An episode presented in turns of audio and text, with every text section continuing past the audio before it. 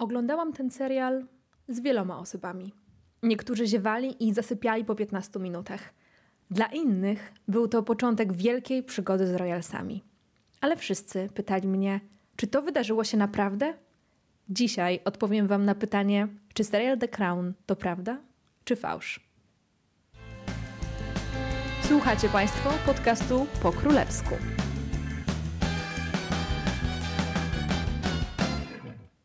Witam w trzecim odcinku podcastu Po Królewsku. Ja nazywam się Anna Orkisz i będę Waszą przewodniczką po królewskich tematach i dramatach.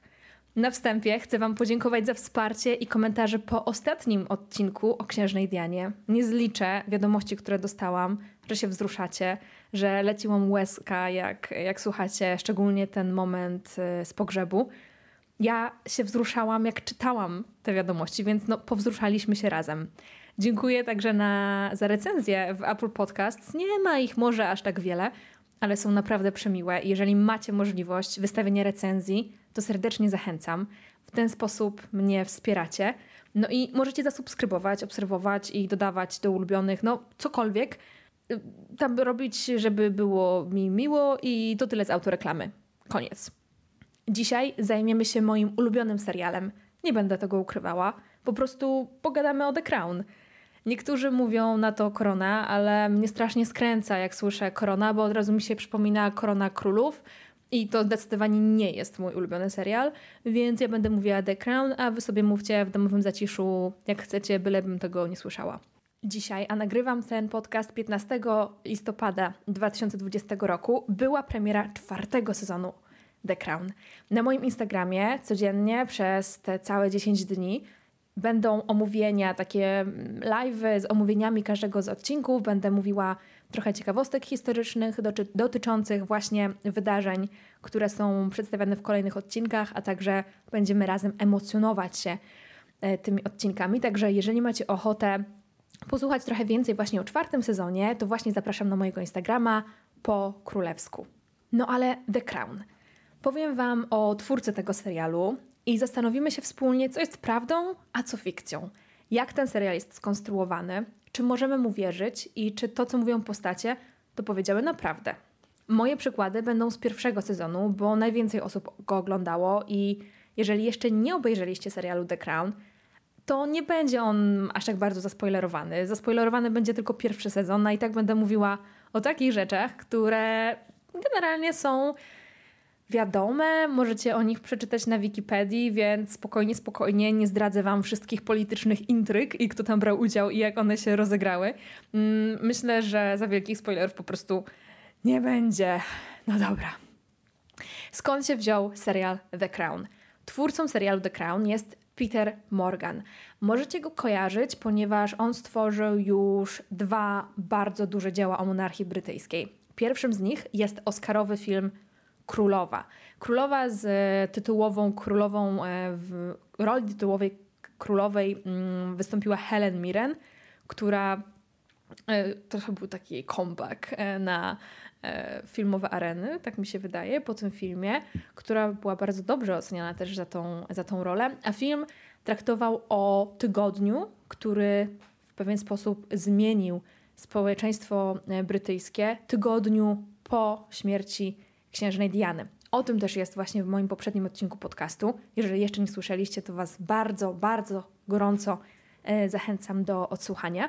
Ale film w ogóle nie mówi o księżnej Dianie. On mówi o tym, jaka była reakcja społeczeństwa brytyjskiego i jaka była reakcja królowej i rodziny królewskiej na wydarzenia. Drugim dziełem, które Peter Morgan stworzył, był spektakl teatralny Audiencja. I był on, to był taki przekrój trochę przez życia królowej, z życia królowej, przekrój przez życie królowej, ponieważ były sceny i każda scena to e, rozmowa z jej innym premierem. Zaczynając od Winstona Churchilla, chyba nie pamiętam, po Camerona czy kogoś tam z takich w miarę jeszcze świeżych. Na pewno był Blair, może był Gordon Brown. Gordon Brown, czy ja się nie pomyliłam? Zaraz będzie, że, że, Gordon Ramsay. Nie, Gordon Brown. Dobra, anyway, no wiecie, do tych ostatnich premierów to trochę nam się wydaje znajoma koncepcja, dlatego że dokładnie tak samo jest w The Crown. Przechodzimy od początku jej panowania, właściwie od początku jej małżeństwa z księciem Filipem po czasy powiedzmy dzisiejsze. Jeszcze nie wiemy, gdzie będzie koniec, bo zapowiadanie jest sześć sezonów.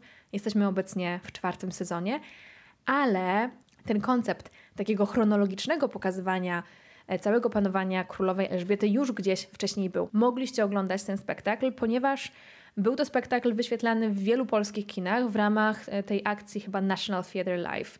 I myślę, że jeszcze go się może gdzieś da upolować. Serial The Crown miał premierę w 2016 roku, w listopadzie. I wówczas był promowany jako najdroższa produkcja Netflixa. To są jakieś w ogóle niespotykane wcześniej w produkcjach serialowych budżety. Może jakaś gra o tron tam się y, zbliżyła do tego pułapu, ale ogromne, ogromne pieniądze po to, żeby jak najciekawiej odtworzyć właśnie życie rodziny królewskiej. Bardzo dużo zainwestowano na przykład w lokacje, bardzo dużo w wystrój wnętrz, bardzo dużo w stroje. Wszystko tam jest dopięte na ostatni guzik. W głównych rolach mogliśmy zobaczyć Claire Foy jako królową i Mata Smitha jako księcia Filipa. No ja ich uwielbiam, uwielbiałam. Uważam, że byli bezbłędni. Ich postacie po prostu polubiłam od pierwszej sekundy, kiedy byli tacy młodzi i niewinni. No wiecie, to jest generalnie taki koncept, że tam zmieniają się aktorzy, którzy grają główne role. Chyba tam się nie zmienia tylko jedna rola, którą przyczaiłam, bo i w pierwszym, i w czwartym sezonie, a miałam już okazję obejrzeć jeden odcinek, jest ten sam lokaj, który otwiera drzwi, jak przyjeżdżają premierzy i wprowadza ich na górę. No, możecie sobie obczaić. No, generalnie koncept jest taki, że co dwa sezony się zmienia obsada, ponieważ wiadomo, królowa się starzeje. I e, w tych serii pierwszej, drugiej jest właśnie Claire Foy i Matt Smith, w, drugi, e, w trzeciej i czwartej jest Olivia Colman i Tobias Menzies. Oni są już bardziej dojrzałymi wersjami, a jeszcze będzie piąta i czwarta odsłona, czyli piąty i czwarty, y, Jezus, piąty i szósty sezon i tam będzie grała laska, która grała Umbridge e, w Harry Potterze, królową, um, i, czyli Imel, Imelda Stoughton i facet, który grał papieża Franciszka, będzie grał księcia Filipa. No wybitny koleś, uwielbiam go, Jonathan Price. Zobaczymy, jeszcze nikt ich nie widział w akcji. Serial ma stosunkowo wysoki próg wejścia i przez to ciekawą konstrukcję, ale może odstraszać nie wiecie w ogóle o co chodzi. Kim są w ogóle ci panowie w pokoju z pierwszych scen, którzy przyznają sobie jakieś ordery. Jeżeli nie przeczytaliście pięciu książek ze zdjęciami o rodzinach królewskich, no to nie będziecie wiedzieć, bo, bo oni nie są tam podpisani i nie ma ich biogramów. Mm, najpierw jest jakaś sprawa zazwyczaj, a potem jest ona wyjaśniana. To może być takie trochę irytujące, wiele osób się wtedy zniechęca i można się pogubić. No zresztą z tymi orderami z początku pierwszego odcinka to wcale nie było tak, dlatego że to jest scena, w której Filip staje się obywatelem brytyjskim i potem są mu nadawane tytuły. No i słuchajcie, Filip wcale się nie stał obywatelem brytyjskim dzień przed ślubem w listopadzie 1947 roku, ale przeszedł taką klasyczną, wymaganą procedurę i został obywatelem brytyjskim w marcu 1947 roku. No czyli długo przed tym, jak to się stało w The Crown. Serial opiera się o prawdziwe wydarzenia, ale zmienia je odpowiednio tak, aby były odpowiednio dramatyczne w scenariuszu na przykład takie dodramatyzowane, e, jest to wszystko, co się dzieje w czwartym odcinku serialu, gdzie mowa o wielkim londyńskim smogu. W sumie jest e, to dosyć oddalony koncept od rzeczywistości, no bo owszem, smog był w Londynie, ale nie siano aż takiej paniki. Na pewno nie zrobiono by osobnego odcinka The Crown na ten temat, gdyby pewnie ktoś mógł o tym decydować. Mm, no i bez przesady, ok? A poza tym Venicia Scott wcale nie zginęła pod kołami autobusu więc to nie jest prawda. Niektóre rzeczy i wątki są wsadzane w serial, aby pokazać prawidłowości jakieś, które założyli sobie scenarzyści i twórcy serialu. Na przykład w małżeństwie, jakieś rodzinne, takie schematy albo historyczne. Często także jedna osoba reprezentuje zbiorowość i na przykład ta Venicia Scott, o której wspominałam, co nie zginęła pod kołami autobusu, naprawdę nie istniała ona nie zginęła pod kołami autobusu, bo ona nie istniała, rozumiecie? Yy, ale jest to taki symbol wszystkich ludzi, którzy zginęli właśnie w wyniku tego wielkiego smogu londyńskiego. Z jednej strony na ulicach, a z drugiej strony w wyniku zatruć, w wyniku niewydolności. Zresztą sama Venetia Scott, jak powiedziałam, nigdy nie istniała nigdy nie była sekretarką Churchilla. Jej postać została oparta na wspomnieniach sekretarki Churchilla e, i kilku sekretarek Churchilla tak naprawdę. I na przykład ta akcja z wanną e, w, właśnie w trzecim chyba odcinku, kiedy Churchill siada w wannie, dyktuje jakieś tam notatki, czy tam robi notatki mentalne, kiedy ona czyta raporty za drzwi, no to to jest oparta o, o prawdziwe rzeczy, które miały miejsce. Może w odrobinie zmienionej formie, ale oddają na pewno sens relacji Churchilla ze swoimi sekretarkami. Z drugiej strony serial oddramatyzowuje niektóre wydarzenia. Czasami scenariusz skupia się tylko na jednym aspekcie wydarzenia, takim zwykle bardziej domowym, pomijając jakim echem odbiło się ono wśród obywateli. To tak jakbyśmy gościli w czyimś domu, a nie wiedzieli za bardzo, co na ten temat mówi prasa. Do takich niedodramatyzowanych wydarzeń i jednak trochę poprzekręcanych należy m.in. koronacja królowej. To, co widzimy, to jedynie okrojona wersja wydarzeń, która została przystosowana do ekranu i do scenariusza, aby pokazać zarysowaną wcześniej relację małżeńską między Filipem a Elżbietą. Prawda wyglądała trochę inaczej. W serialu dramaturgia rozgrywa się o to, czy Filip klęknie, czy nie klęknie przed nią podczas koronacji. No i to jest powiedzmy ten wielki dramat. Mm, a oburzeni relacjonowaniem w telewizji koronacji w naszym odcinku są konserwatywni politycy i członkowie Komitetu Koronacyjnego. Jednak w rzeczywistości, a tak jest zapisane w protokołach Koronacyjnej Rady Wykonawczej, więc kto by z nimi dyskutował, e, to królowa nie chciała znaleźć się na celowniku kamer. Uważała, że może się zbłaźnić, że będzie ją to peszyć i uważała, że niektóre elementy ceremonii po prostu są dla niej zbyt osobiste i zbyt intymne. W jej oczach telewizja była równa prasie brukowej, czyli po prostu wulgarna. Tak przynajmniej podaje Mike Parker, który był osobistym sekretarzem księcia Filipa. Gabinet, czyli rząd z Churchillem na czele, zgodził się e, na nierelacjonowanie uroczystości. Jednak kiedy wyszło to do opinii publicznej, kiedy wyszło to na jaw, no to gazety i obywatele wcale nie byli zadowoleni, że nie zobaczą koronacji swojej nowej młodej królowej. Wręcz potępiały ten pomysł i chciały, chciały jakby, żeby to było relacjonowane. Oburzało jeszcze to, że tylko wybrani posłowie Izby Gmin będą zaproszeni na tę uroczystość i jeszcze dodatkowo będą musieli przejść przez super upokarzający proces losowania miejsc, podczas gdy wszyscy posłowie z Izby Lordów byli zapraszani i to wraz z żonami. Czyli dla tych wyższych i lepszych było miejsce, a dla tych z Izby Gmin, po prostu obywateli, nie było miejsca. Posłowie strasznie się zbuntowali zaczęli napierać na rząd, aby ten zmienił zdanie.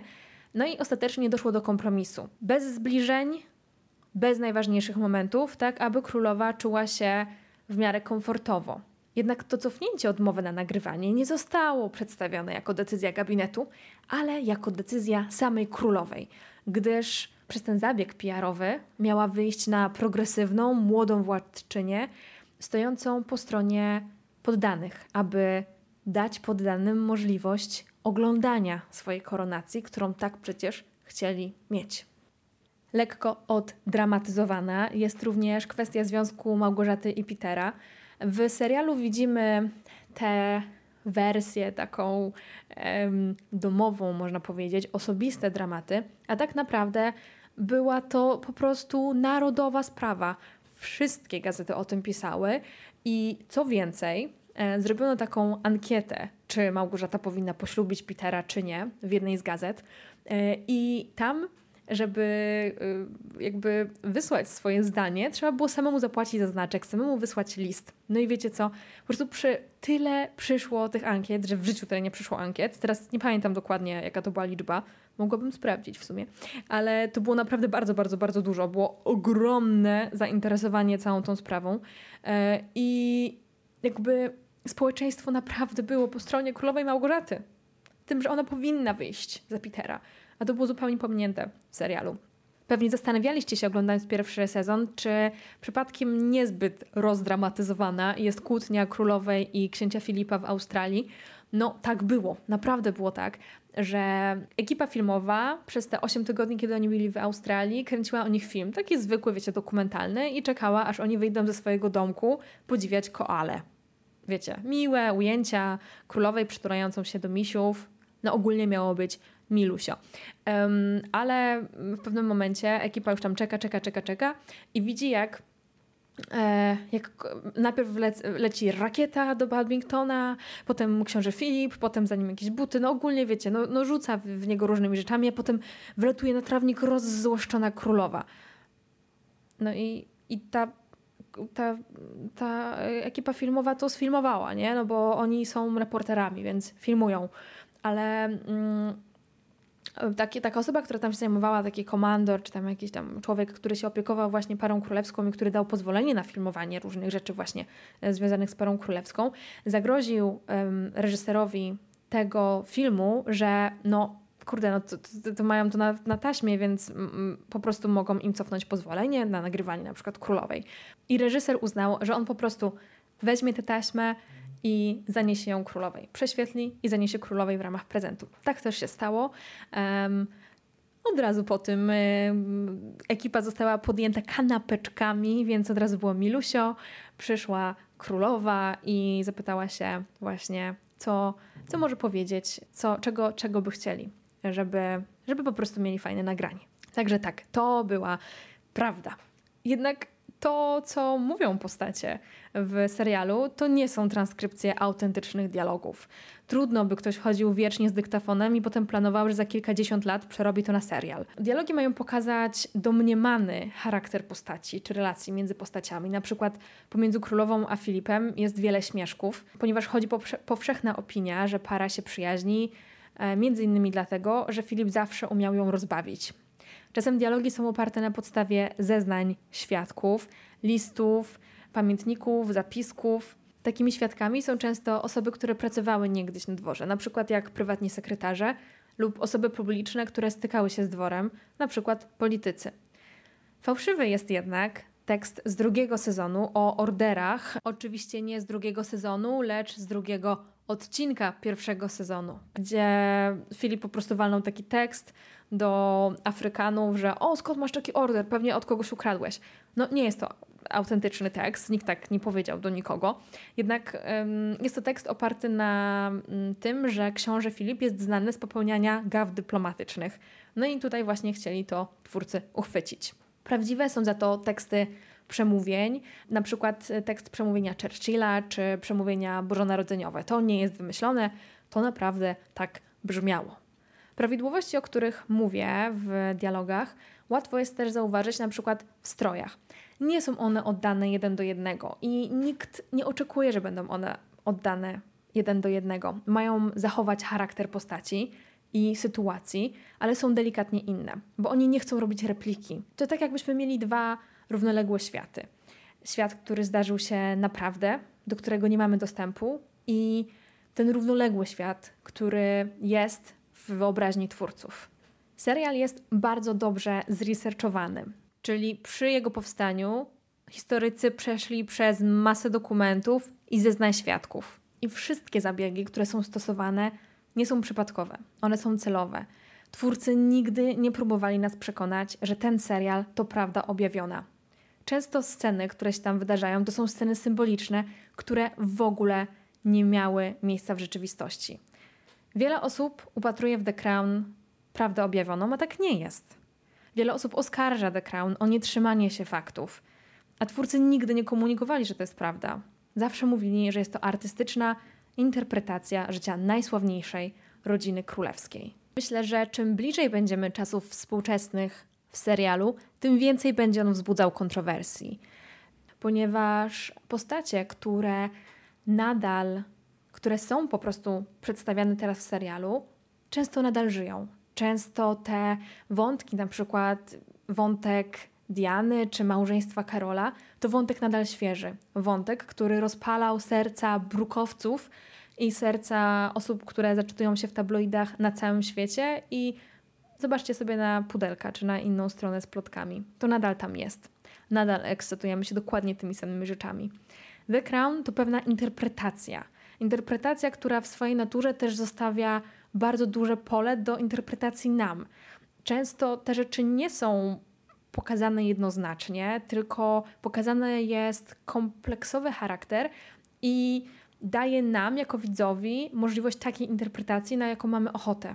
Jeżeli uważamy na przykład, że królowa zrobiła dobrze, zakazując Małgorzacie wyjścia za Petera, to to tam znajdziemy. Jeżeli uważamy, że zrobiła źle, to też znajdziemy tam argumenty za tym. Dlatego ten serial jest w pewnym sensie genialny, bo daje nam możliwość naszej własnej interpretacji i wierzenia w to, w co chcemy wierzyć. Odpowiadając na tytułowe pytanie, czy to prawda, czy fikcja? Nigdy nie dowiemy się, czy naprawdę takie zdania, jak między bohaterami, padają pomiędzy członkami rodziny królewskiej. W samym serialu pada zdanie, że my interesujemy się monarchią, ponieważ są oni niby ludźmi, niby korzystają z komputerów, jedzą na śniadanie dokładnie to samo co my, a jednak są owiani dozą tajemnicy. I tak powinno zostać. Gdzieś ten serial balansuje na granicy prawdy i fikcji, i to jest jego dużą siłą. Dziękuję Wam bardzo za dobrnięcie do końca i przesłuchanie trzeciego odcinka mojego podcastu. Obiecuję, że będą kolejne, może już nie o The Crown, ale na pewno o królewskich tematach i dramatach. Jak zawsze u mnie solidna dawka i tego, i tego.